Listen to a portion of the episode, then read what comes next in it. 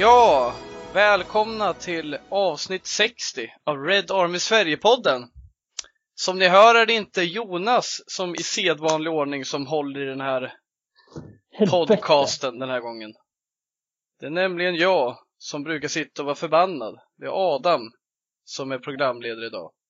För Jonas har sjukanmält sig och i skriva eller i lyssnande stund så är han väl i någon slags eh, eh, karensdag och därför får jag ta över för tillfället. Men i min trygga famn har jag Mikael med mig. Välkommen Mikael Krekula. Tack Adam. Jag spillde precis ut en halv öl dessutom. Fy fan, det är inte bra. Det är en dålig slicka start. upp resterna. Vi får göra det. fan tänkte du nu? Nej, jag, jag tänkte inte så mycket. Det var inte mitt fel. Nej. Skyll inte på mig Adam. Nej. Och du är ju precis som mig, var ju lite frånvarande förra veckan. Hur känns det att vara tillbaka då? Ja, jag var ju det. Så det, det känns nästan ovant. Det var ett tag sedan man var här, känns det som. Men det är Mm. kul. Kul att vara tillbaka och snacka lite United. Det saknar man alltid. För fan, Även om det inte går bra. så är det. Och idag har vi ju inte Jonas med oss, men vi har med oss en speciell gäst. Som heter David Selini. Välkommen David! Tackar, tackar.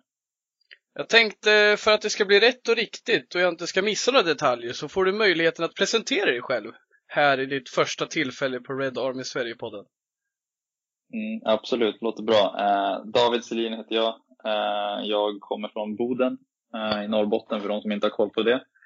Eh, jag är eh, fotbollstränare som just nu pluggar till gymnasielärare i Linköping. Så jag håller till i södra delen av Sverige numera eh, och coachar fotbollslag här. Eh, men som sagt, stor United-fan så att eh, följer med allting som händer runt, runt, eh, runt klubben helt enkelt.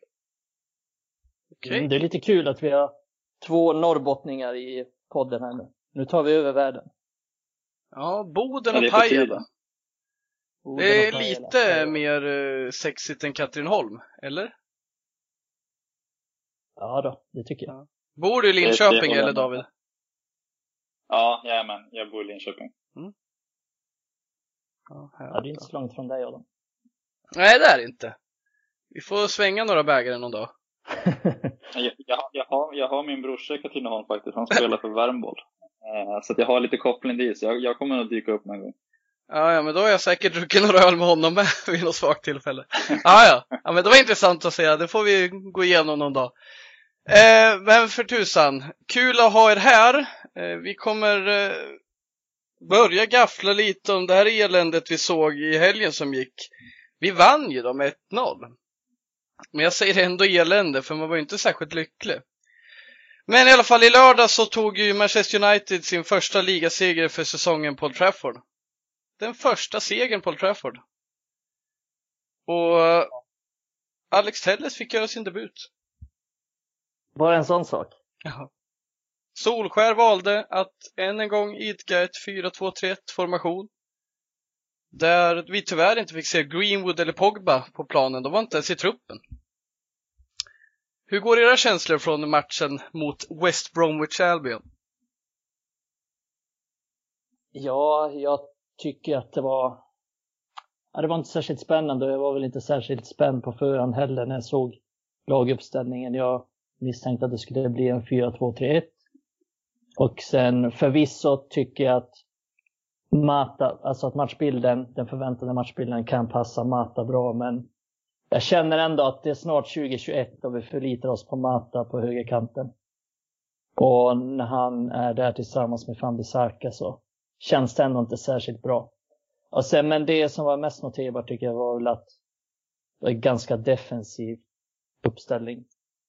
Med både Fred och Matic på mittfältet och det kändes väl lite sådär mot ett West Bromwich som jag tycker är klart sämst i ligan faktiskt. Fan vad grinig du var när du Ja. såg Mata i startuppställningen, eller hur? Ja, Jag märkte det genom Ja, det var- text. du märkte det inte. Ja, men det är bra. Det, det visar. Ja, men fan. Jag tycker ju om Mata på något sätt. Det är en fin kille som man brukar säga, men det är, han ska inte starta längre i United. Nej, och det är ju, när inte Greenwood är med, det är ju inte så mycket bra alternativ heller. Det är bara så jävla kissigt liksom. Han Pelistri kommer ju inte spela på ett tag vad det verkar som. Han verkar inte riktigt redo. Och Nej. så vidare. Ah. Speciellt det där med Mata. Ja. Men eh, om vi ska gå in på uh, uppställningen då. Tycker ni det var rätt att ställa upp så här? Du nämnde att det var defensivt Mikael. Hade han kunnat gjort något annorlunda i uppställningen? Eller är det spelarvalet tycker du? Jag överlåter den här frågan till taktikexperten eh, David. ja, för får... tusan. Ja, nej alltså. Jag, jag håller med mycket om att det var en ruggigt, en ruggigt väntad match eh, och att Mata rimligen borde, borde passa det rätt bra. Eh, men jag, jag börjar nästan landa, eller jag har landat i det sedan länge, långt tillbaka nu, att, att eh, det känns inte som att det har jättestor betydelse om, han inte kan spela de absolut bästa spelarna, typ att kunna ha Greenwood, Martial, Rashford framåt och, och både Pogba och Fernandes på planen, så, så, kommer, så har, kommer United alltid ha problem mot, mot sådana här lag. Eh, och de har även alla fem på planen. För jag, jag, saknar tydligheten, jag saknar liksom specifika mönster och, och löp, löpningar som vissa spelare tar för att, för att dra isär sådana här lag. Utan det känns mer som att det är ytterligare ett bevis på att, på att de har svårt att bryta ner ett motstånd som, som backar hem. Uh, och, och, en stor grej tycker jag är, för jag, jag har egentligen inget problem att du spelar Fred Matic om det innebär att, alltså, att, du, att du kanske trycker upp dina ytterbackar extremt högt. Uh, för då har du ändå fyra personer som kommer att vara bakom boll med, med mittbackarna och, och de två inne i mittfältarna för att, för att skydda mot kontringar. Om man nu är orolig för att West Brom skulle vara bra på att ställa om, om man har gjort den analysen innan. Uh, men, men Uniteds ytterbackar, Telles visserligen bättre än vad, än vad Shaw är offensivt till vänster. Eh, men Van Bissaka bidrar inte med någonting offensivt och, och, har, ju, har ju en roll som där han ibland är med och får väldigt mycket yta och tid på sig längs kanten men, men inte gör så mycket med det och ibland så hänger han inte ens på utan då har vi då har vi en ytter som står brett. Eh, och ibland så är den yttern när den är Mata, då är han över på vänsterkanten och försöker, försöker kombinera med spelarna där och då finns det ingen spelare ute till höger. Eh, och då slutar det med att, att det blir bara ett kluster med spelare ibland på, på vänsterkanten och så blir det som ingen balans i, i laget och det ser jag som ett tydligt exempel på att, på att Solskär inte riktigt har instruerat dem hur de ska, hur de ska hantera sådana här, utan det är mycket, okej okay, men ut grabbar, gör ert bästa och lös det här åt oss. Men det, det funkar inte alltid så. För att har en spelare en dålig dag, då faller en stor del av, av hela anfallsspelet och det var West Brom-matchen ett tydligt exempel på tycker jag. Och då, då spelar det som ingen roll om han kör Pogba, Matic eller Fred Matic eller Fred McTominay när allting fallerar. Och en stor grej där som, som fallerar gång på gång tycker jag är passningsspelet från backlinjen. Det är extremt långsamt och Harry Maguire får väldigt mycket skit för grejer han gör defensivt men alltså offensivt också när han står typ och han står tar emot boll, tar sju, åtta touch och pekar på vart spelare ska röra sig enligt honom. Men allting dör ju hela tiden. Och har du då lite mer begränsade spelare som Fred eller McTominay eller även Matic liksom centralt som kanske behöver extra tid på sig för att kunna hitta passningar igenom. Då måste du ge bollen till dem snabbare så att de får lite mer tid på sig. Nu går det så långsamt så alla lag kan bara flytta och komma in i bra presspositioner. Och då blir det ännu svårare för de här mittfälten som redan innan är lite begränsade att göra någonting konstruktivt. Det där är jätteintressant och som det blir i många fall det är att eh, Lindelöf och Maguire styr bolltempot vid mittlinjen i princip och då har Fred och Mac eller Matic framför sig. Då skulle man önska lite mer kreativa förmågor om det är de som Maguire och Lindelöf ska hitta mellan West Bromwich mittfält som har kommit upp lite i planen, men så blir det inte. Jag tycker oftast bara Maguire antingen slår bollen till en Telles som är i nivå med honom vid mittlinjen eller någon lite så här märklig chip över till en ofta högt stående Shaw. Och den går över eh, till inkast liksom till motståndarna. Det är liksom, är det det Ole vill? Är han nöjd med det? Att Fred och Matic utanför straffområdet precis som det är Maguire som styr bolltempot. Jag vet inte om han vill det, men det blir så. Jag vet inte om han har förmågan att förändra det heller. För i en sån här match, då kan jag tycka till och med, ja men jag är inte förespråkare att Pogba ska vara en central mittfältare, för han har inte de förmågorna över 38 matcher att höja oss till de skyar vi vill befinna oss i. Men i en sån här match, när Maguire kommer upp så högt med bollen och får vara med och styra spelet, då är det självklart han ska hitta mer kreativa förmågor än både Fred och Matic. Ja, men är inte det, ett, är inte det en eh, rätt så tydlig, det som ni nämner, att Maguire ofta står och pekar och viftar. Han vill ju att Shaw ska gå dit eller att Teje ska gå dit. Men de spelarna verkar inte ha några instruktioner exakt hur de ska spela så han får han tar det liksom på kommando där. Att, men fan, du ska ju gå upp. Vad fan står du där för? Mm. Så att eh, allt sånt tar ju lite extra tid när man måste börja tänka och instruera andra. Vilket bidrar till att det går extra långsamt också. Mm. Jag, jag, tycker att det var, alltså, jag hade snackat om det innan matchen här, att alltså, i en sån här match spela McTominay som mittback. Liksom. Eh, han spelar ju mittback för Skottland och, och han, han är, kommer aldrig vara någon spelare som, som liksom ligger på höga höjder när det gäller alltså, att skapa målchanser för sina medspelare. Men han är, han är ändå liksom energisk, han är snabb. Han, han i, i, sin bollbehandling menar jag snabb. Att han, han får bollen så spelar han den fort. Han, han håller ett tempo i sitt passningsspel. Eh, men han är en sån som verkligen, som jag sa tidigare, behöver den här lilla extra tiden för att kunna kanske hitta ett läge och spela igenom ett, ett motståndarmittfält innan de liksom har hunnit samla sig. Eh, men i en sån här match då, när, vi, när de vet att men det, vi är för sega i, i hur, vi, hur vi sköter uppspelen bakifrån. Droppa ner honom och spela honom som mittback då, typ med Lindelöf kanske i en sån match. Eh, eller om det är Maguire, spelar som ingen roll, men bara bollen går fort så att de liksom drar isär motståndare. För att, för att annars spelar det som ingen roll jag menar, om, om Pogba spelar, spelar centralt på mitten i den här matchen och han är mycket bättre med, med bollen än vad alla andra som, som, som kan spela där, trots att han har andra liksom, svagheter, men att han kan ändå hitta kreativa lösningar från, från ingenting. Mm. Och även, även Bruno Fernandes gör ju det också, även lite, om han är lite högre upp i plan. Men om, när de väl får bollen så har de redan två, tre spelare runt sig och det finns inga andra bra alternativ eftersom alla står och väntar på vad som ska hända när mittbackarna står och dräller med boll. Då spelar det som ingen roll att du har Pogba som är bättre än McTominay med boll centralt. För att han, ändå, han, han blir uppkäkad så fort, så fort han får bollen så har han två personer som pressar honom. Uh, så det är så här, uh, jag förstår inte hur de inte kan, kan uh, för det första prata med, med typ Maguire, sätt fart på bollen. Mm. Eller bara göra gör någon form av förändring där. Kan inte, är det inte så här, när jag spelar fotboll, där är det liksom så här, sätt fart på bollen eller så blir det utbytt sätter vi någon annan som kan sätta fart på bollen. Jag förstår inte riktigt, jag förstår inte heller hur svårt det ska vara. Och det är ingen svår grej. Maguire kan ju göra det om man blir tillsagd mm. att göra det. Mm. Men Oles, eh, Oles inställning är mest att ah, Maguire, vill du spela ikväll eller ska jag vila dig? Ja, eller? Exakt. Han har ju liksom, ofta, ofta säger han ju det att ja, men Maguire vill spela så då får han spela. Han vill spela ja. mot Luton Town, då får han spela. Det är lite märkligt. Jag kan också sakna en sån flexibilitet från Ole. Typ det du mm. nämner med McTominay som mittback. Att testa en sån sak. Men han är så inpräntad i att det ska vara den här uppställningen. Och det är de här som ska spela. Och sen kör vi tills det går. Det ska gå. Och så kände jag att han gjorde mycket med typ de här med Andreas Pereira och Jesse Lingard och dem. Han bara mm. körde på, på, på, på i samma mönster hela tiden. Fast eh, alla såg att det inte funkar. Och det tycker det är så, att det, jag tycker det är så märkligt att varken han eller någon annan i, i staben liksom gör någonting åt det. Mm. Verkligen, och det är en sån grej som jag tänker på för att eh, jag antar att det, folk har väl redan märkt det men det kommer bli ännu tydligare under, under det här samtalet att jag har inga, alltså jag tror verkligen inte att Solskjaer är tillräckligt bra taktiskt för att kunna göra någonting med United för att verkligen bli komma tillbaka på den nivån som han och hela klubben vill vara på. Men i min värld, det är inget problem för mig att han är, han kan vara världens sämsta taktiker så länge han då är en riktigt bra liksom, på att motivera, på att liksom, skapa en grupp som funkar. Men då måste han ha en ledarstab som kan gå in och sköta de fotbollsmässiga bitarna. Det snackas ofta, du vet om Ferguson, om att han hade assistenter som skötte träningen och sånt här.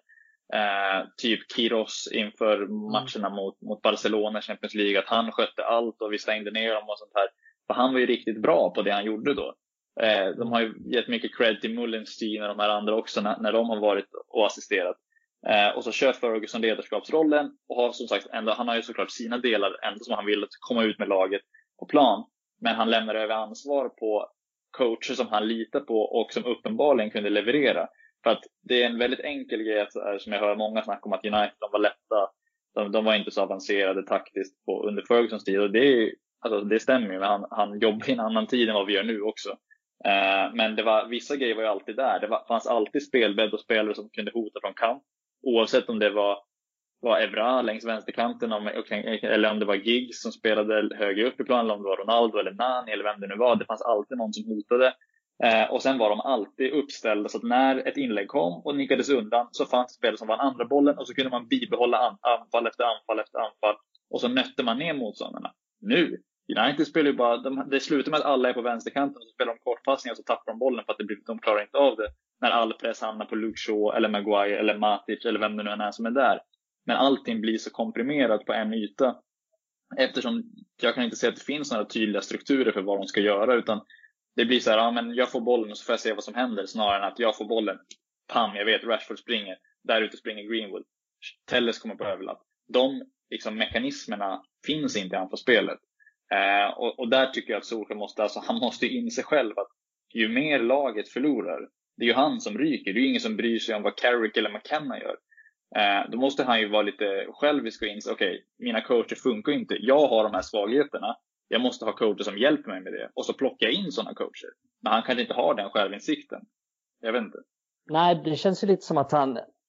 Jag, jag får ju ofta bilden att han försöker vara... Han, han har uppenbarligen tagit mycket inspiration från Ferguson. Han vill liksom bygga sitt lag ungefär som Ferguson gjorde. Men den lilla detaljen han missar, han har försökt ta in, han tog in Mike Phelan igen. Och sen har han. Carrick som har spelat och sen McKenna som visserligen inte var under Ferguson men som har varit i United i några år innan. Så han har försökt eh, bygga den, den grundstenen men han har inte tagit in någon typ Queros som Ferguson gjorde. För Ferguson hade ju den självinsikten. Han såg mm. att jag, för att utvecklas, då måste jag kanske Exakt. ta in den taktiska kompetensen från Portugal. Men det har inte Exakt. riktigt Ole gjort och den, eh, kolla på den högerkanten som, som United har nu, som Solskjaer har haft nu under sina två år. Han måste göra någonting åt det. Okej, okay, han har inte spelat, han har inga särskilt bra högeryttrar. Men han måste ju kunna få, som du nämnde innan, till exempel att överbelasta först på den sidan och sen vänd snabbt till vänsterkanten för att ge dem yta. Men han gör ju mm. ingenting av det, han bara låter den vara. Det, liksom, det ska vara intressant att höra. Vad är din tanke med den där högerkanten? Vad ska mm. hända där?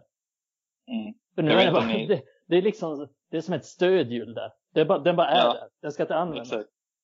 Ja, jag, vet inte om ni såg, jag vet inte om ni såg på presskonferensen här nu om han fick frågan av, av han Karl eh, Anka på, på The Athletic om vad, hur ser du på er spelstil typ? Och han, vet, han, han känner ett nervöst skratt och sen uh, How long have you got? Liksom som att han ska hålla på att lägga fram en bibel med information. och, och, så, och så slutar det med att han säger We wanna play like the history of Man United. Uh. Quick players, quick on the break. Men det är så här, ja, det är ju återigen han försöker, det, han, han sysslar med någon form av historiebruk liksom. Eh, och komma tillbaka till, ja men det var så här förr och det, det var, då var vi bäst i världen ja, då måste vi ta oss tillbaka till den, till den världen. Men den världen finns ju inte längre. Det, och, och, han, är ju, han är ju inte Ferguson och han pratar alltid om vilken stor ledare han är. Ja, men inse då att du är ju inte den ledaren. Du behöver ju hjälp här eh, och, och, och, fixa det. Men det verkar som att han, han kör på med den här nostalgiska grejen och tror att det ska kunna ge resultat. Som du säger med att han tar in filer, han tar in folk som, som, som kan klubben. Men, men i något, uppenbarligen så kan de ju klubben, men de kanske inte kan de kanske inte kan fotbollen som krävs för att ta klubben dit de vill komma. Eh, och det måste man ju inse själv. Ja, precis. Och nu ska jag inte säga att jag har stenkoll på alla tränare i United, för det är jävligt svårt att veta exakt vad Mike Finan gör. Men min bild ja. är ju att han, han är ingen taktiker. Han är ju snarare en sån som kanske motiverar spelarna, kanske kan snacka mm. med dem en och en, ta en hand runt axeln och säga ja men det här fixar du grabben. Ja. Han är ju han är ingen Carlos Queiroz. Han lär ju kunna dra några sköna paralleller från förr som faktiskt får folk att bli motiverade. Han har ju varit i några omklädningsrum, om man säger så. Exakt. Och det, och det är viktigt det med, alltså liksom att ha den typen av ledare i gruppen för att se till att ja, men det, alla som har spelat fotboll vet att det krävs att man, att man har någon ledare som ser till att man mår bra också. Det, om, ja. om det är samma ledare som, som ser till att, att eh, ja, men vi, vi är väl förberedda på vad vi ska göra, då är det skitbra. Men annars, det finns ju en stab av en anledning. Alla ska inte ha samma alla ska inte ha samma roll liksom. Men nu känns det som att alla blir sådana här äh, kulturbärare. Att ja, men vi ska tillbaka till, till den mentaliteten vi hade och det är ju fine. Men, men det krävs ju mer på själva planen. Jag vet inte om ni brukar kolla på de här när de släpper ut träningsvideos. De kör alltid sådana här att passningsövningar på små ytor och ska spela sig lös och sånt där. Det, det, det händer ju aldrig på matcherna. Så här, var, varför tränar de på det när de inte spelar så? För då känns det som att ja, men nu tränar vi här. Nu tränar vi, tränar vi, tränar vi. Och sen när vi kommer ut på match bara, ja men boys, kör. Eh, och så blir det det här, eh, det blir ju en, när, när, det blir, när vissa matcher funkar det och då kan det se jättebra ut, som några matcher i somras.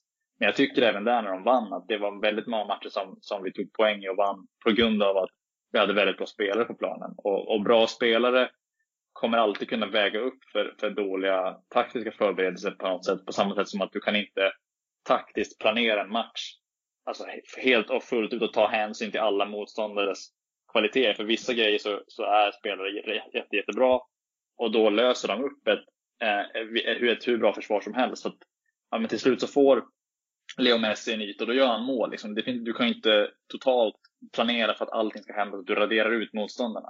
Och de spelarna har ju United också. Alltså Martial kan göra saker på egen hand, Rashford kan göra det på egen hand. Fernandes kan definitivt göra det. Men då handlar det om att sätta de spelarna i så många situationer som möjligt där de får möjlighet att göra det de är bra på. Eh, och jag vet inte, så, som vi var inne på där med att överbelasta ena sidan och sånt här. Vi, när, när, Rashford spelar ute till vänster, jag skulle gissa att om du frågar, ta 100 United-fans och du frågar vad är, vad är Rashford, vad är, vad är han riktigt bra på? Då tror jag de flesta skulle säga att hans djupledsspel, alltså hans timing i löpningar och hans, hans snabbhet helt enkelt. Och att när han får bollen och kan utmana motståndare. Eh, för båda de grejerna så behöver du någon form av plan. För att antingen behöver du tydlighet att okej, okay, när bollen är här, då löper Rashford i djupled och då slår vi den bollen och tar inte en säker pass och går hem igen. Liksom.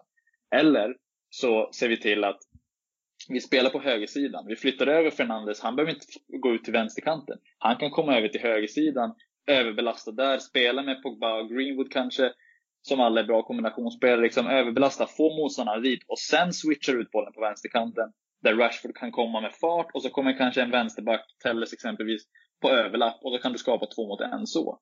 Det är inte, det är inte svårt att komma upp med den idén. Det är inte svårt att implementera det. Men sådana grejer verkar man inte tänka på. Då får du inte ut det bästa av dina bästa spelare. Det är en sån jättelätt grej. Men de har gjort sådana här saker tidigare. För när Torhäll kom in tyckte jag det var rätt fräscht och kul att se dem spela första matcherna. De gjorde typ exakt samma sak. Martial spelade till vänster då. Och då överbelastade de vänstersidan ruggigt tydligt. Jesse Lingard spelade till höger, kom in i planen. Eh, och så lämnar man högerkanten för Ashley Young. Och han fyllde på. Eh, och det blev Lingard och Young, två mot en ute på högersidan. Och sen fyllde Pogba och andra på och attackerade inlägg. Och Pogba gjorde några nickmål då också här för mig. Så ja, liksom, han, har ju, han har ju haft de planerna. Men just nu så känns det som att de, de hattar mellan olika grejer. Jag vet inte, den här diamantgrejen de körde mot Leipzig. Ja, det funkar ju skitbra. Lyckades stänga ner dem defensivt, ställde om, fick Rashford i bra kontringspositioner. Såg jättebra ut. Sen funkar inte mot Chelsea som var en helt annan match när de backade hem mycket mer. Ja, då slutar vi med det. Och sen kör vi in något nytt igen. Det, det blir som så här, du hoppar mellan extrema grejer hela tiden. Ja, han har inte riktigt någon... Det känd, nej, han har ingen riktigt klar idé där och han litar inte riktigt på, på alla de grejerna heller. Men en sak jag tänkte på det är med... Jag håller med om att Rashford, Martial, Bruno Fernandes och så vidare. Jättebra individuella kvaliteter, men det, det, kan, det som är farligt, alltså för det första är det jävligt omodernt att förlita sig på individuella prestationer. Det är ingen, ingen riktigt bra tränare som gör det. Eh, för det andra så tycker jag att Rashford är fortfarande ganska ung. Jag tycker att han, han är ganska ojämn.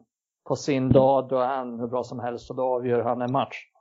Men han har inte alltid den dagen och speciellt inte mot försvar som står lågt.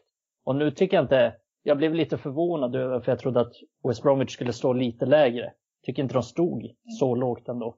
Men till exempel en sån match, då var han ju inte särskilt bra. Och då var inte United särskilt bra heller.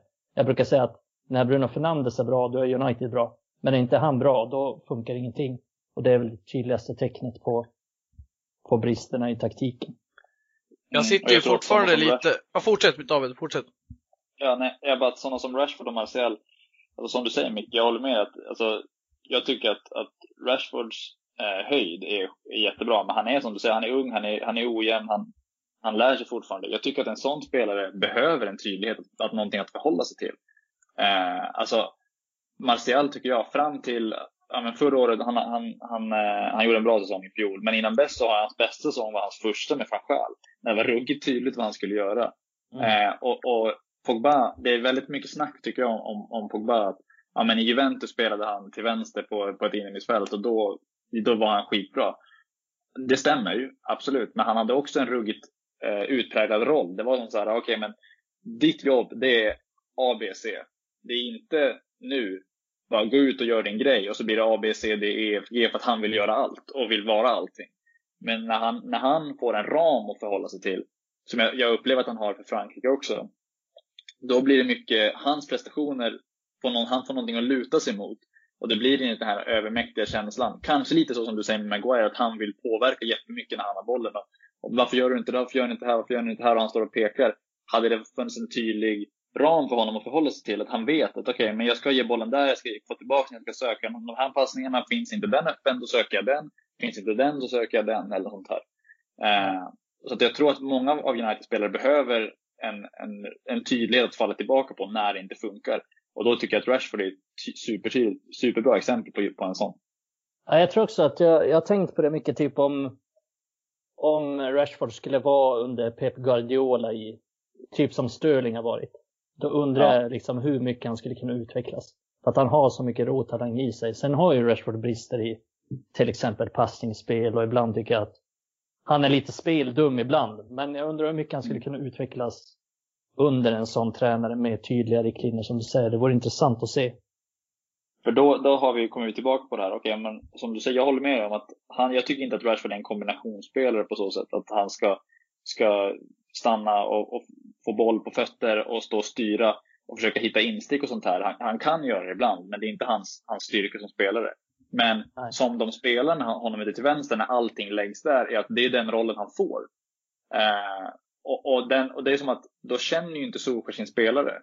Okej, okay, men vi vet att han är jättebra på, som jag pratade tidigare, hans djupledslöpningar. Han kommer med fart och utmanar en ytterback. Få honom i de situationerna. Hans svagheter är kombinationsspelet och kanske hans passningsspel och hans beslutsfattning. Ja, men sätt honom inte i de lägena då. Men det är det vi gör gång på gång på gång. Ja, ja det, är, det är verkligen anmärkningsvärt när man, när man tänker på alla brister som finns i, i taktiska upplägget och man tror knappt att det är sant ibland. Det måste finnas någon tanke där som vi inte ser, men ja. rimligtvis, men jag, jag är fan inte så säker. Ja. Jag sitter ju fortfarande och myser för det du berättade David om, blir påmind om Fergusons tid, just det här med att vinna andra bollar och mala ner motståndet. Eh, det har vi inte. Michael Carrick. Vi är inte ens nära där idag och just att det tycker jag har varit en av de största problemen med att ha Pogba bredvid Matic, eh, även i somras men framförallt nu i inledningen av den här säsongen. Att eh, han har inte den förmågan, han är inte den spelaren och han ska inte vara den heller. Men att eh, han, han kommer inte vinna de där bollarna bredvid Matic och det krävs eh, It takes two to tango liksom. Du behöver ha två som är med där och hjälps åt. Eh, känner jag och det löser inte Pogba. Och fan vad bra det var den tiden. Och då kommer man till slut hitta målet. Om det då är 75 eller 95 det spelar ingen roll liksom. Det sitter i ryggraden på alla spelarna och nu vet de ju knappt. Det som sitter i ryggraden på spelarna nu, det är liksom att de är skitnödiga till 19 minuter för att de ska hålla tätt. Eh, det är en tvärtom liksom. Men vet ni vad? Det, det har jag också tänkt på, bara en sista sak. Jag vet att du vill gå vidare Adam. Nej, jag vill Men... fortsätta prata om West Bromwich i två timmar till. Kör på nu. Nej men eh, den, eh, vad fan, nu glömde jag bort vad jag skulle säga för att du distraherar mig. Det var väl någonting om eh, John O'Shea? Ah, John O'Shea. Nej men, ja, men Michael Carrick var ju så jävla bra på, på just de andra bollarna. Men det jag tänkte var på, jag tycker inte att vi hade någon, överhuvudtaget någon kontroll på den här matchen. Och det är det som är lite skrämmande också, att det blir liksom man mm. vet, det är som att man kastar ut tärningar hur det ska gå. Mm. Ja, det är en bra liknelse. Det är lite Yatzy. Typ. Ja, det är lite Yatzy. Så bara på West Bromwich straffen där och så får de den straffen så blir det ju såklart en helt annan match och sen i, i princip anfallet efter så får United straff och gör mål istället och massa omstraffar och skit. Nej, det känns verkligen som att vi säger att United har bättre individuella spelare så United får tre tärningar och West Bromwich får två. Ja, och så kastar man de tärningarna. Så ibland, oftast så går det hem för att vi är lite bättre. För att vi har lite bättre spelkort, men det är exakt det jag twittrade om, liksom. att det spelar ingen roll om vi hade tagit in van de Beek från start. Det är en spelare som hade säkert kunnat gjort skillnad. Men i det här laget så spelar det ingen roll, för det spelar ingen roll vilken spelare han sätter på plan, så för alla lika deluded. De vet inte vad de ska göra. Det är, det är inte kul att spela då, det är inte lätt. Men Nej. vi kommer gå in mer på vilka som är rätt att spela med och så vidare.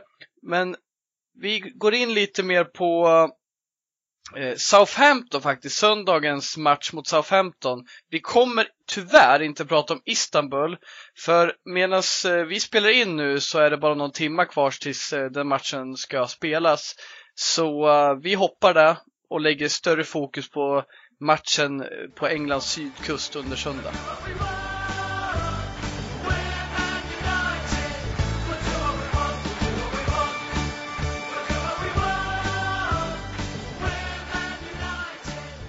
Jag har noterat en sak David på din Twitter. Vi kommunicerar ibland via Twitter jag och du, men att jag var inne och, och kollade på din Twitter och såg att Michael Cox följer dig. Det är fan stort. Han har ju skrivit Ja. massa böcker om taktik. Han skrev för The Athletic. Uppskattar honom som fan. Ja, precis. Han, Det är eh, lite han, har, ja, han har väl läst en del grejer som jag har skrivit tidigare. Skrivit mycket taktiskt på, på engelska liksom, som han väl har ramlat över på något sätt. Så det är kul att han eh, uppenbarligen tyckte att det var bra. Så att han vill hänga med i svängarna. Nu är det inte så mycket skrivande i och för sig, men, men han är ju uppenbarligen kvar. Ja, följer. Jag, fan, det är imponerande. Det är sjukt avundsjukt på. Han är en av få jag har stor respekt för. Vad Ja, gäller okej. så här, kunskap. Och er förstås.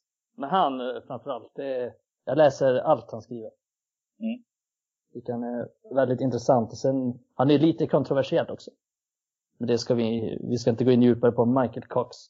Men jag rekommenderar alla att läsa om honom. Det är kul att prata om det, inte om jag nämner det, men hur ofta skriver du David när det är sådana taktiska analyser och sådär? Eh, alltså, förr i tiden, för något år sedan, så jag, hade en, en väldigt lågbetald frilansroll på en, på en eh, hemsida som skriver taktisk analys som heter totalfootballanalysis.com.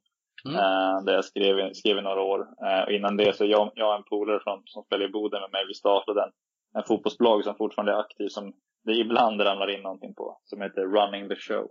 Eh, där man Vem är kan- han? Det finns, Vem är han från Boden? Eh, Eddie Prue. Ah, okej.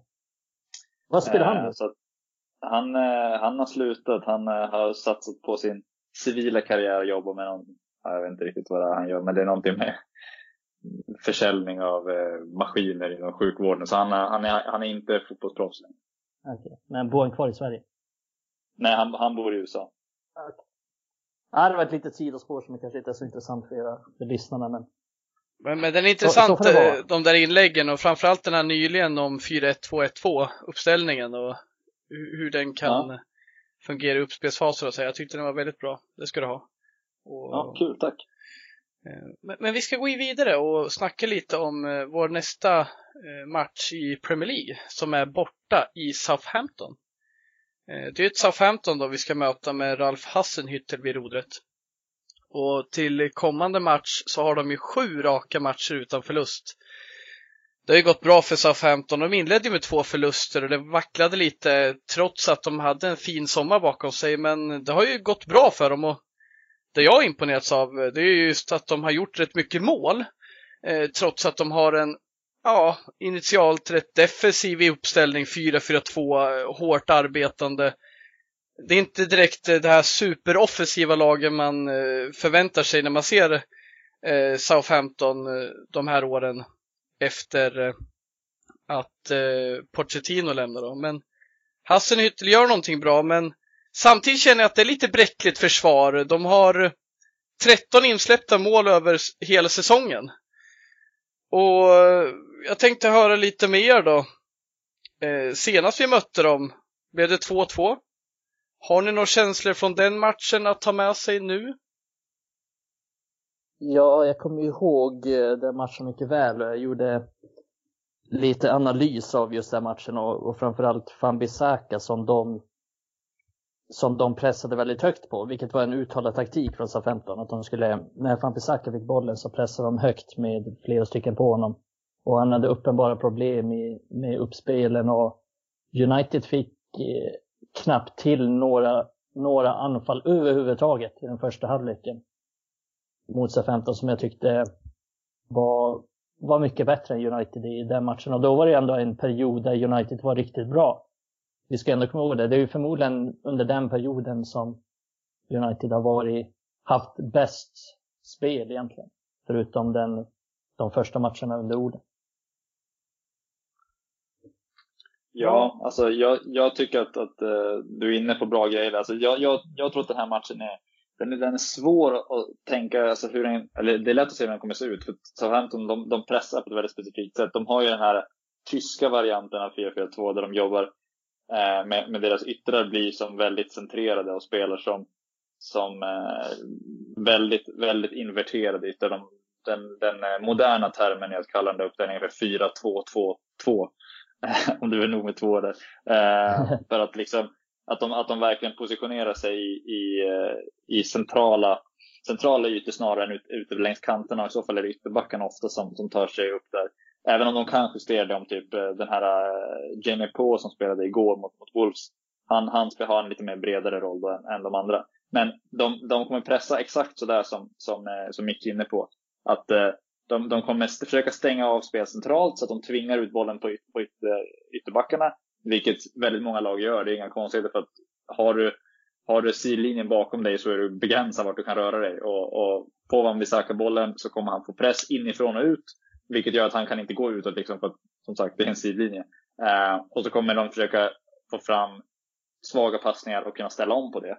Eh, därför blir det extremt intressant att se hur United tar sig an den här matchen. För att det vi vet är att Southampton spelar väldigt högt med sin backlinje och försöker hålla laget extremt kompakt för att kunna stänga igen de här eh, passningarna in centralt.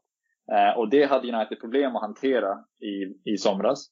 Men med tanke på de spelare United har längst fram i planen, med Rashford, med Martial, eh, finns även att man skulle kunna argumentera för att kunna slänga in Daniel James i en sån här match. Att utnyttja verkligen tydligt, kanske locka in Southampton i den pressen och sen bara snabbt spela bollen tillbaka till Lindelöf och bara lyfta in den bakom och försöka på så sätt det antingen få någon målchans på det eller tvinga Southampton att kanske droppa bak lite. Så får man lite mer tid med bollen. Men min farhåga är att United kommer eh, att ta sig an matchen på exakt samma sätt som man gjorde i somras. Att de kommer försöka spela sig ur. Inte för att jag tror att de tror på det så mycket, utan mer för att det är typ, ja, men ett, ett stort lag ska spela så. De ska försöka spela sig ur. Men som jag var inne på, de har som inga idéer känns det som på hur de ska göra det.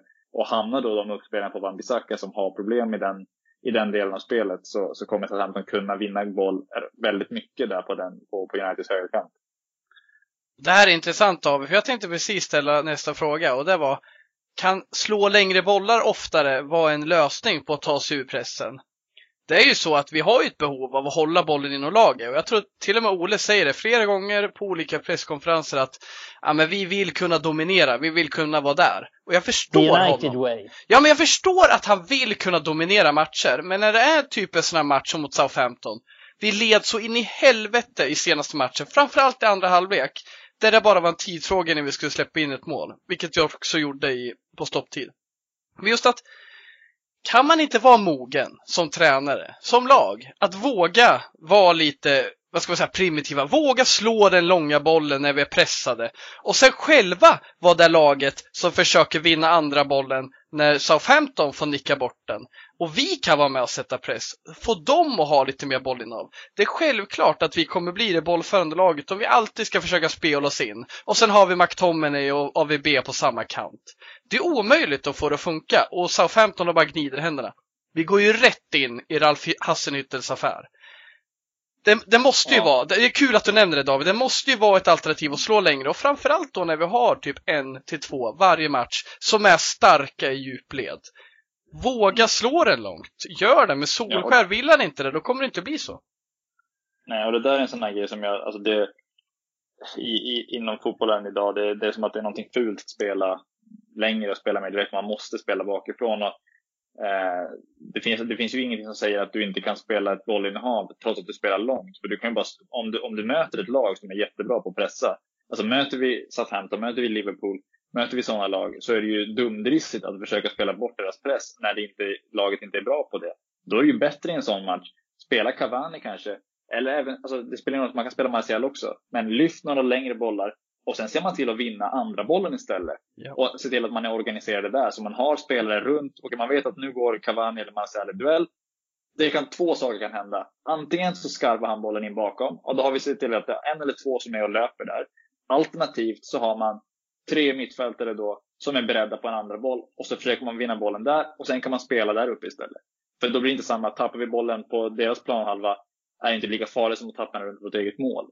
Eh, och det är bara det, det handlar inte om att man ska spela någon slags primitiv fotboll egentligen tycker jag. Det handlar om att man är pragmatisk och inser att vi gör vad vi behöver för att vinna matchen. Alltså Liverpool, eh, man kan inte sitta och berömma dem kanske så mycket här. Det gillar inte jag att göra och jag gör det väldigt sällan. Men alltså de, de, är, de är pragmatiska. Är det så att de märker att vi kör fast i den här pressen, då lyfter de långt tre, fyra bollar och så flyttar de upp laget och då tvingar motståndarna att backa hem och då kan de spela. Eh, så att man liksom försöker hitta en, en eh, att man kan liksom anpassa sig efter matchbilden också och inte bara hålla på och prata om att vi ska spela så här, vi ska spela så här, vi ska spela så här. Och så gör man det gång på gång på gång på gång på gång när det inte funkar. För det, om, om någon, om han har lärt sig någonting av Ferguson, då är det att vara pragmatisk. Alltså United åkte till Marseille, ett ganska svagt Marseille kommer jag ihåg i Champions League 2011 eller något sånt där, och backade hem och tog en 0-0. För att vi, vi kommer inte kunna åka hit och dominera matchen, då tar vi det hemma och så vinner vi det hemma istället. Tog 0-0 borta, åkte hem och vann hemma. Ja. Uh, och fine, det är, ingen som, det är ingen som klagar för att United går vidare. Och det är ingen som kommer klaga på, på Solskär om han backar hem, skickar den, uh, skickar den långt, vinner några dueller, får spela på deras planhalva, vinner med 1-0, tar med sig tre poäng från en svår bortamatch. Det, det kommer folk vara nöjda med. Snarare än att man ska spela fast sig i pressen för att man tror att det är så man måste spela. Exakt, det är ju inte West Bromwich hemma. Hade det Nej. hänt mot West Bromwich hemma, att man bara såg långt, ja då hade folk kunnat reagera. För det såg man ju nu också, folk var inte nöjda med en 1-0-vinst. Men mot SA-15 borta i nuläget, då är det bra om det, oavsett hur de tre poängen tas. Och det är intressant det med Ferguson, för det var ju, jag tror många har bilden om att Ferguson ofta spelade briljant fotboll och att han alltid gjorde det. Men det gjorde han inte alls, speciellt inte i bortamatcher i Champions League. Och det var väl det, därför United sällan vann Champions League under hans första år. Det är väl för att United försökte spela en eh, bra fotboll de var inte nog cyniska. Men under, om vi ser till Fergusons allra sista år, de här, alltså när United egentligen var som mest framgångsrika, 27, 28, 29, 2010, 2011 och så vidare och så vidare. Då var man cyniska, då hade Ferguson lärt sig det. För han hade ju förmågan att anpassa sig. Och det är väl det som gjorde United så pass bra då, för att man, man kunde anpassa sig. Man kunde spela 0-0 borta mot Marseille och var, folk köpte det. Eller ja, mm. Ferguson sket fullständigt i om folk köpte det eller inte. Han gjorde det för att, för att han ansåg att United hade bäst chans. Och vi kunde inte ifrågasätta det, för han gav oss resultat. Ja, i slutändan är det segrar och det är, cup, det är cupvinster och så vidare. Det är liksom, det är titlar. Det är det handlar om. Man vill inte alltid ha kissfotboll, men ibland kommer det behövas. Och Southampton är ett sånt exempel. Jag håller med dig Mikael. Helt klart. Ja, men det som är intressant med den här matchen, det är ju att jag är ingen superexpert på Southampton, men jag har upplevt att de är mycket, mycket bättre i, i sitt bollinnehav nu än bara för, säg ett år sedan. 100%. Så, jag, så jag är inte helt säker på att United kommer dominera spelet heller. Jag såg igår mot, de hade enormt mycket bollinnehav mot Wolves igår. Och nu är väl mm. Wolves kanske en, ett sånt lag som kanske som är ganska okej okay med att inte ha det, men ändå. På bortaplan mm. mot Wolves dominera så pass mycket. Det var Ja, och det var, det var ju kanske lite dumt av Southampton om de gör det mot Wolves som gillar att kontra. Att det är väl bättre då att göra det mer 50-50 och låta dem ha mer boll. Men jag känner mot United så gör Alf Hasselhüttel en idiot om man inte låter oss ha bollinnehavet. För han vet ju att Solskär vill ha det. Men det är också det du nämner här, det är också upp till Solskär att se till att vi inte har bollinnehavet. Och det kan ju vara då längre spel. Ja. Uppe laget liksom. Inte försöka spela från backlinjen. För ett mål vi släppte in mot SA-15 senast, det var ju när eh, en utkast, ett utkast från de Gea till Pogba som har spel i ryggen. Ja. Och han är lite disträ och tappar den och man blir galen på Pogba man blir galen på Solskjaer som spelar Pogba den rollen i en sån matchbild. Och liksom, mm. Eh, jag, jag, skulle vara jätteförvånad om inte Hasselnytter, som är väldigt smart, inte spelar på det de gör bäst. De var så förbannat aggressiva igår mot Wolves och jag tror de kommer vara det mot oss nu med. Jag blir nästan lite för se för de är så Fan vad ful Romeo är, jag avskyr den fan. Men han är så jävla duktig, han vet precis vad han gör. Och jag älskar att spela med sådana som honom i mitt lag när jag spelar liksom i division 6 eller 7. Det är sådana man älskar att ha i sitt lag. Riktigt fula jävlar. Och han skulle nästan kunna haft rött i varje match han spelar. Men han är smart, han vet när han ska gå in och inte. Han vet när han får rött och inte. Han gjorde en ful sak mot Greenwood senast United möttes på. Ja, han var riktigt gris i den matchen. Ja, han skulle definitivt ha ett rött kort. Nej, men det är exakt så var det ju i den matchen. Det var flera gånger. Jag tror, jag tror att det var i första halvlek så var det bara två, tre gånger som, undrar om det inte var Pogba varje gång också, som tappade bollen lågt ner. Mm. Eh, ja. Nej, så det var ju, det var en helt otrolig match på så sätt. Och, och, en sak, och man sak, hoppas ju att en, Ola har lärt sig. En sak jag gärna lägger till här också är ju som, du, som ni, vi är inne på att Southampton är bättre med bollen än vad de har varit tidigare. Och det skriver jag under på fullständigt. Och där tycker jag att det blir intressant igen då. För att med, med Solskär och United så tycker jag att en, vi, har, vi har mest snackat att de har hur, hur avsaknaden av ett anfallsspel. Eh, men jag tycker att ända sedan han kom in så har vi haft problem med, med vårt pressspel också, framförallt den senaste tiden. För att jag, det, det, var en tydlig grej som han snackade om när han kom in, att, att eh, United skulle pressa högre. Och, och, det tycker jag att, att de gör ofta. Men jag tycker att det, pressspelet fungerar väldigt likt hur liksom anfallsspelet funkar. Det är väldigt individbaserat. För ibland ser vi Martial dra iväg på, på en presslöpning själv. Och så blir han bortspelad och så hänger han med huvudet. Eh, och så har det inte gett någonting. Eller så drar Rashford iväg och så lämnar man en yta bakom som motståndaren lätt spelar sig ur. Och sen, kommer, och sen sänker Rashford huvudet. Och det, såna här, när sådana grejer händer tre, fyra, fem, sex gånger så kommer det innebära att spelarna slutar pressa för de säger att det spelar ingen roll att jag gör det. Eh, och det är en sån här grej som om man då jämför med Southampton är väldigt en, en enkel jämförelse att göra som är väldigt organiserad hur de pressar. Då får man resultat av det. Nu kan United såklart, pressar du en, en, en eh, högerback som är dålig med boll så kan han tappa bollen och så har Uniteds press funkat. Det, det händer ibland och det, det kommer ske i, i vissa matcher under säsongen också. Men allt för ofta tycker jag att United blir bortspelade eller blir lurade till att pressa i situationer de inte bör göra det. En grej de har gjort väldigt mycket är att trycka upp Wan-Bissaka hela vägen upp och pressa motståndarnas vänsterbackar. Så att de liksom lockar Greenwood till att gå i press på, på en mittback och sen går bollen ut till vänsterbacken och så kommer Wan-Bissaka flygande. Och då lämnar han liksom Lindelöf och Maguire. Eh, och Shaw ska ju vara kvar, han är ju också spretig ibland och inte på plats. Eh, men då blir ju de här situationerna när Lindelöf hamnar en mot en mot en forward. Eller att det blir löpdueller mot snabba anfallare, typ mot Crystal Palace. De gjorde det gång på gång. Locka upp Wan-Bissaka i press, skicka bollen i kanalen bakom. Och så fick Lindelöf och Maguire jobba två mot två mot typ Sahar de här. Eh, och det är så här, varför, varför går vi i den pressen? Varför ska Wan-Bissaka upp där när vi blir bortspelade gång på gång på gång? Och då, då tycker jag att mycket bättre centrera laget, håll det tight, tvinga motståndaren att bara flytta in sin backlinje. Det gör ju ingenting. Men då är det som att Liverpool pressar, City pressar, Tottenham när Pochettino var där, de pressar. Då måste vi göra det också, för det är så, det är så de stora lagen spelar. Ja. Men vi gör det inte tillräckligt bra. Och då, då, spelar det ingen roll att man gör det. Då kan man lika gärna backa hem, tycker jag. För då, då har United visat att man kan vinna matcher när de backar hem. Och då tror jag också att det är mer en grej av att man har många spelare bakom bollen snarare än några taktiska genidrag. För det är fortfarande matcher där Luke Shaw helt plötsligt spelar försvarsspel på högersidan. Eh, och det kan inte vara en plan att man, att man ska ha det så. Så jag tror att där, även där så finns det en avsaknad av struktur defensivt och Wan-Bissakas positionsspel har ingen jobbat med på två år. Uh, så det finns väldigt många saker som han behöver fixa tycker jag. Exakt, och det är intressant med Wan-Bissaka för att jag tycker, visst han är dålig offensivt, men med rätt coachning så skulle man ändå kunna få ganska mycket nytta av honom. För att han är så pass bra i en mot en defensivt. Han har de fysiska egenskaperna och han kan liksom, alltså man kan få honom att bli en Antonio Valencia liksom. Bomba fram på kanten och slå inlägg. Så dåliga inlägg har han inte. Men han får, Nej. det känns inte som att han får ingen eh, coachning i hur han ska göra på planen. Och som du säger, det har jag också tänkt på. Att det, den osynkade pressen och framförallt den jag tänker på i osynkad press, det är Bruno Fernandes som kommer upp och viftar ja. att de andra ska följa med.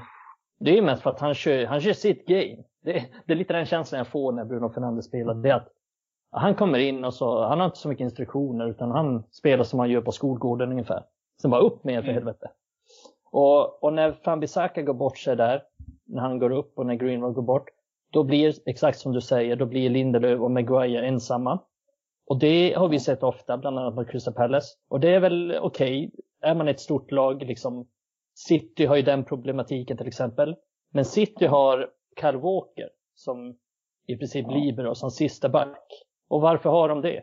Han, han spelar där för att han är snabb och för att han vinner mm. alla de duellerna. Det är därför Pep har honom där.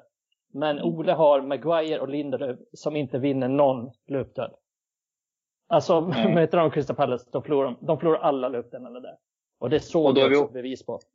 Och då är vi inne på samma sak som i Rashford, att man inte använder spelarna på bästa sätt. Alltså att man, man eh, snarare att man så här, försöker trycka in folk i laget snarare än att man försöker hitta ett system och en metodik som funkar för de spelarna du har, vilket är basic-grejen.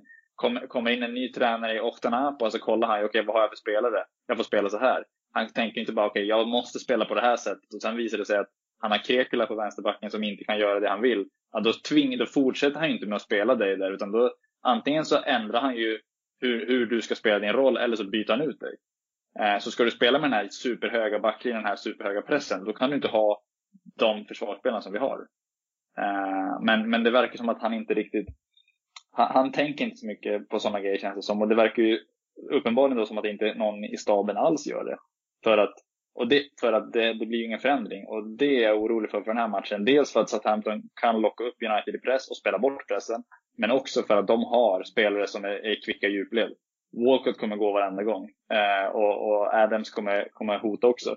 Så att det kommer vara, vara jobbigt i vissa situationer om de går bort sig på, på det här sättet. Liksom. Det känns inte Ja, som det- vi sätter några krav överlag. Det känns som spelare kan bli petade en match, sen kommer de tillbaka. Lindelöf blev petad en match mot Tuansebe, var det väl? Nej, Bajy var det. Och så gick det åt helvetet. Och sen är han tillbaka. Och sen petar han Pogba en stund och sen är han tillbaka liksom. Det finns inget, det är fan ingen som är rädd om sin position för man vet fan att man kommer komma tillbaka till slut. Ole är liksom inte, han är envis hur han vill spela. Men när han ska sätta krav på spelarna, som du nämnde Mikael, Maguire får spela när han vill. Eh, de spelarna som man sätter press på, de är snart tillbaka igen. Och det handlar ju visst delvis om vad vi har för spelarmaterial, men också hans eh, alltså ledarskapsförmåga där någonstans. Jag tycker att han kan sätta ännu mer krav. Jag hör att ni är inne på det. Och jag hör också här, när vi snackar om eh, AVB, vi snackade om positionsspel förut. Jag skulle vilja lyfta en grej som, had, som är aktuell, som har varit där rätt länge.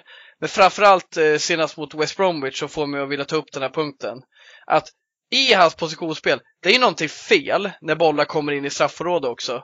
Och jag vill säga det att AVB är en av världens bästa en mot en. Offensivt har han utmaningar och vi vet att det kan bli bra mycket bättre. Men i straffområdet så har jag en enorm utvecklings... Alltså jag kräver så mycket av honom och då är vi inne på krav också. Så här, motståndare oavsett klass, när de slår inlägg så är det alltid farligt när bollen kommer vid sista stolpen.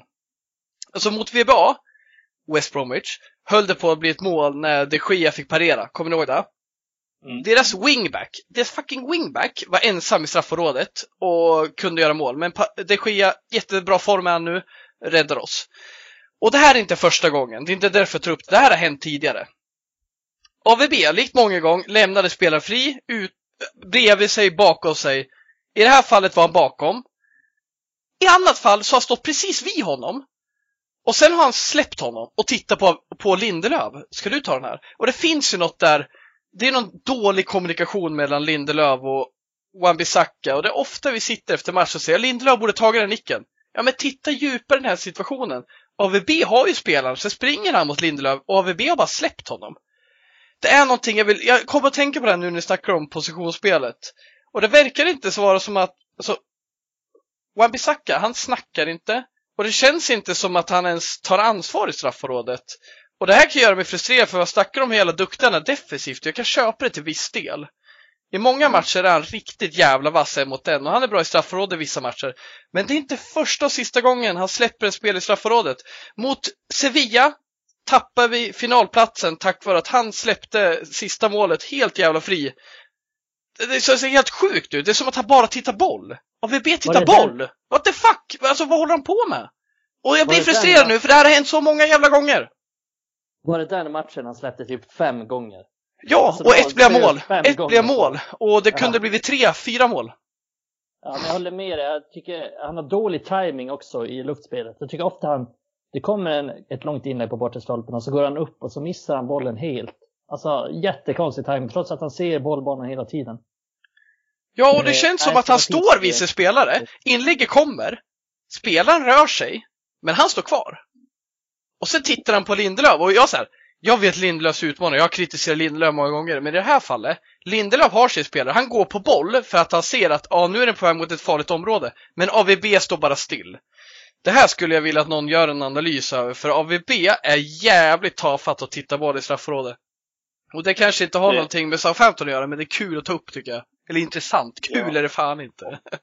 det är en sån där grej som de säkert kollar på att utnyttja också. Och jag tycker att återigen, alltså, med, med, om man har en sån spelare som har de alltså grundförutsättningarna för att vara en bra försvarsspelare med hans snabbhet, med hans förmåga. Alltså han är ju väldigt, som, som ni säger, han är jättebra en mot en. Alltså han, han plockade Sterling totalt i något derby för något år sedan.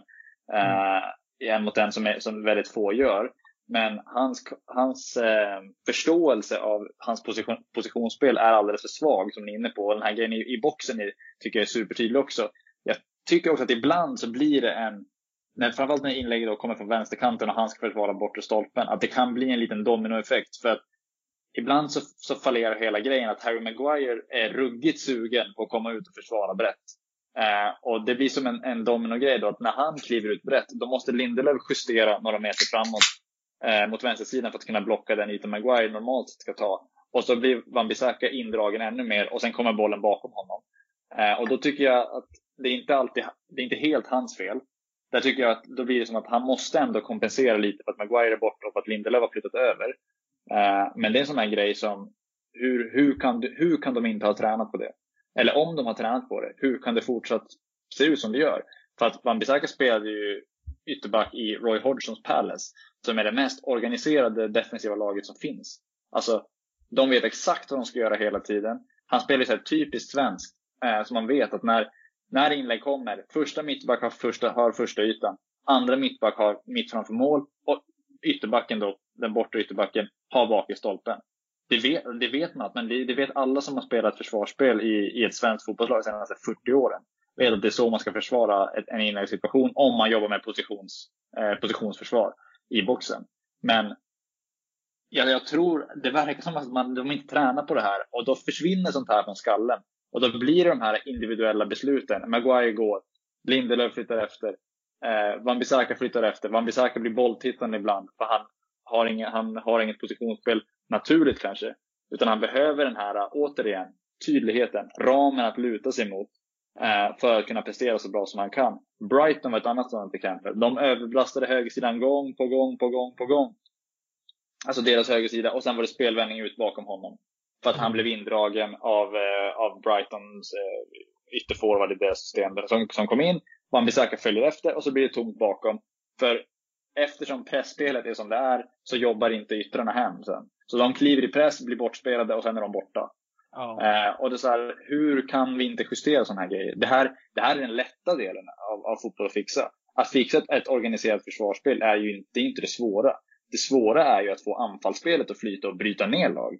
Det är det som, som gör att, att Guardiola hålls så högt. Eller att, att Klopp nu har fått sånt, fått sånt eh, uppsving.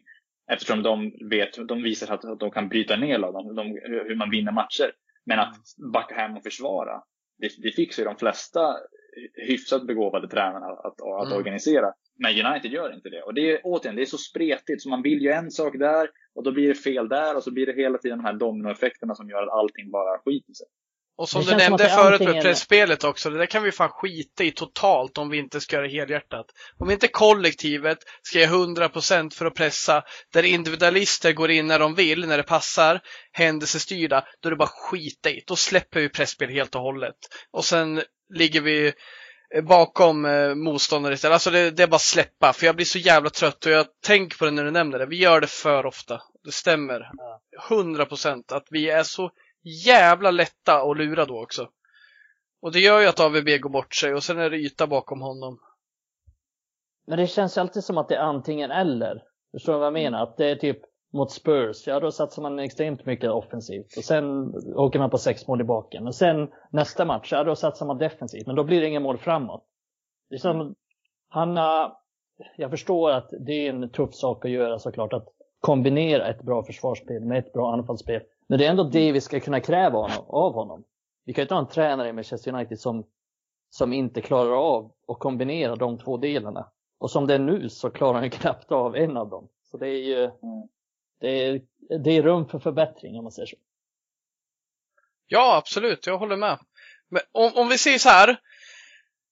Eh, bara gå igenom kort. Finns det något så här, någon spelare i lagen ni absolut vill ha in som kanske inte är helt hundra och är det någon ni vill inte ska spela så nämn gärna det och ge mig en motivering. Det kan vara intressant att se mot Southampton. Det är liksom inte samma matchbild vi hade mot West Bromwich. Det kommer krävas andra finesser. Och det är lite kul nu för vi har lite olika alternativ, vilket vi inte riktigt haft eh, föregående säsong. Eh, är det något speciellt ni tänker att ah, men den här spelaren vill jag in just den här matchen? Ja, jag tänker väl eh, framförallt på vem jag inte vill ha in. Eh, Det är väl cynikern i mig. Men Pereira är i Lazio nu, Mikael. Jaha, fan också. jag tänkte- Nej, men... Han är eh, bänk där med. Fy fan. Han har, han har det svårt under press, det har han. Eh, en annan som, har, som jag inte tror skulle pa- som passar bra i den här matchen, det är Juan Mata. Så jag tror inte att han, han är aktuell igen. Jag tror snarare att Janel James skulle vara, eller är ett bättre alternativ i den här matchen och är förmodligen mer påtänkt också, även om jag inte är säker på att jag vill se honom. Om Greenwood är tillgänglig, kör du James före Greenwood då? Jag kör alltid Greenwood, det spelar ingen roll vad för match. Jag har honom i mitt fantasy-lag trots att han inte spelar. Vägrar byta ut honom. Det samma här. Han håller för fan på att gå ner i botten i sitt värde. Han är fan mindre värd nu än eh, Will Smallwood.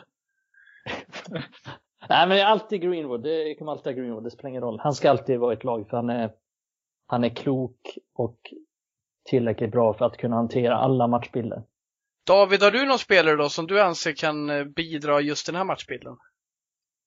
Eh, alltså jag tror att det är viktigt att, att eh, de får Southampton har ruggigt mycket energi. De, de, de jobbar, de sliter, de tar sig in i, i bra ytor. Framförallt bakom motståndarnas mittfält. Så jag tror att det är ruggigt viktigt att se till att det är, är, är stängt där. Och, och då tror jag att det bästa är att spela McTominay och Fred tillsammans som kan matcha den energin och som tillsammans kan täcka av den ytan rätt bra. Uh, sen, sen är det som sagt, få Rashford i omställningslägen ute till vänster. Uh, det, det, det, tror jag är absolut bästa chansen att kunna göra någonting här och försöka få över Southamptons press. De, vi vet att de kommer försöka pressa Van Bissaka, men utnyttja det. Och då få till spelvändningar, ut på Rashford och sen attackera två mot en med Rashford och Telles mot, mot, eh, mot Walker Peters. Jag tror att det är den bästa, bästa, bästa chansen. Jag tror att en sån som van de Beek eh, är en sån som skulle kunna passa en sån här match. Just på grund av att han är ruggigt smart i hur han rör sig. Det är väl därför han inte spelar tror jag. För när det är så individbaserat så måste man vara extremt bra på det man gör. Typ som Bruno Fernandes. Om, om du sätter in van de Beek istället så har inte han de egenskaperna. Utan han är en systemspelare som ska in i vissa ytor och veta vad han ska göra hela tiden. Och när den, den strukturen inte finns så förstår inte jag varför de har värvat honom egentligen. Eh, men han skulle passa en sån här match tror jag, som är, lär bli ganska taktisk. Eh, men frågan är, jag vet inte vart man ska spela honom då. För att som de spelar nu så får han inte riktigt plats i, i elvan. Nej, jag tror han är, han är någon slags, vad det verkar, någon slags direkt ersättare till Bruno Fernandes. För att Ja. vi upptäckte att när Fernandes inte spelar då, då är United för dåliga. Och det är väl det Ole identifierade och förmodligen också att Pogba inte kommer bli så långvarig. Så det var väl någon vi- slags, det var någon slags tanke där, men jag tycker att det är en jättekonstig värvning. De är diametralt olika som spelare. Så att, att Ja. hur de då ska ersätta varandra, det, det är så här, ytterligare ett tecken på att hela klubben, tankeverksamheten är inte på topp.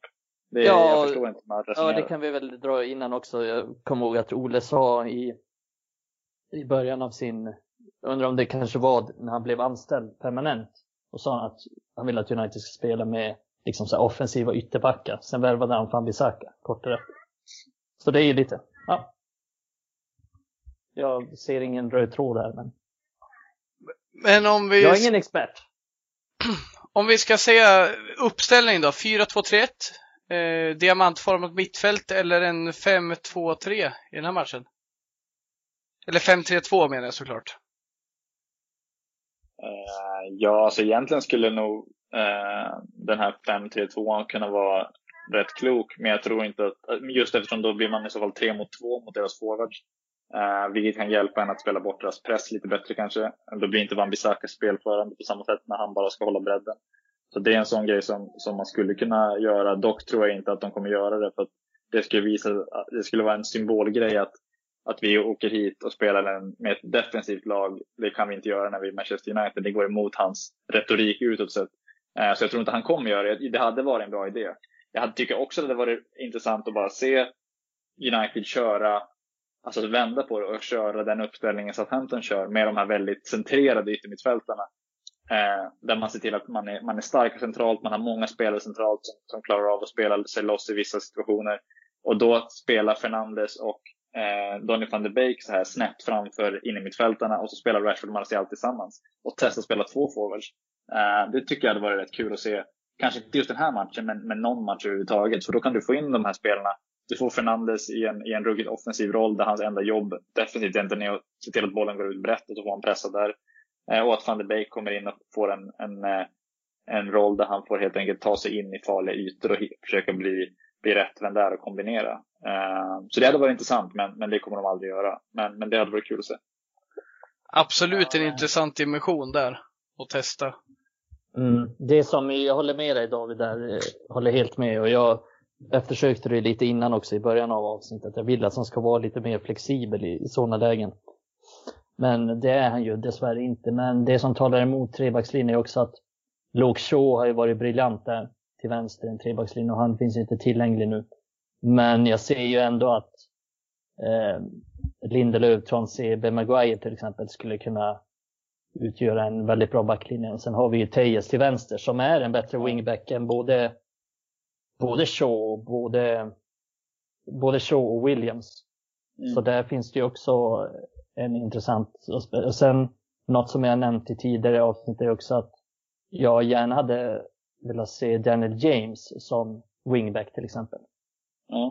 Med, med rätt coachning så ser jag väl att han skulle kunna ha alla egenskaper för att spela där. Men Ja, men kan fan Victor Moses spela wingback så borde ju eh, ja, Daniel James kunna. Säg, Sen säg var det ju Conte, fan, Conte är ju en annan jävla säg lirare. Säg Conte, han spelar vem fan som helst som wingback. Ja, vem som helst från United i alla fall. Han sätter Messi som höger wingback. Ja, jävla lirare där är alltså, nissen.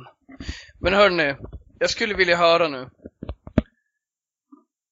David, jag vet ju att du följer Serie A och för att släppa mm. lite Southampton en stund och sen avrunda lite den här fina samtalet vi haft inför helgens drabbning så skulle jag vilja höra, jag vet ju att du följer Atalanta nära i Serie A. Ja. Och jag tänker då osökt på Ahmad Diallo Traoré. En av ja. flera spelare som Bergamo-klubben fostrat och sålt vidare.